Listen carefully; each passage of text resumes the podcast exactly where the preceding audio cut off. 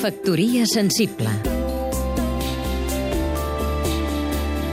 Daniel Giral Miracle, crític d'art L'oblidat mosaic hidràulic. Per fi, el modernisme és apreciat com mereix. Primer es va reconèixer l'arquitectura, esplendent i innovadora. Després el mobiliari i els elements de forja, vidre i ceràmica. I més tard la pintura, la poesia i la música.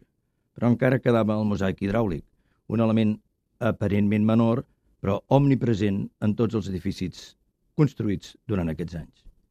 Quan s'han enderrocat desenes d'aquests immobles, s'han enviat a la runa incomptables quantitats de les rajoles artesanals policromades que entapissaven els seus terres, hem començat a considerar el seu valor funcional i artístic i a intentar recuperar les peces més significatives. I en aquesta recuperació celebrem dues iniciatives que posen de manifest que el modernisme va tenir molt en compte la qualitat artística de tots els seus elements.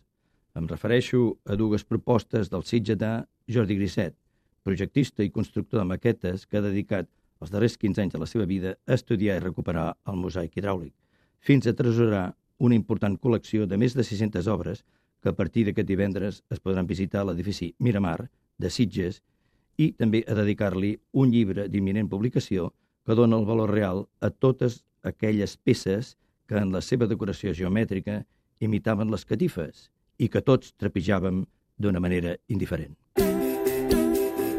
Factoria sensible Seguim-nos també a catradio.cat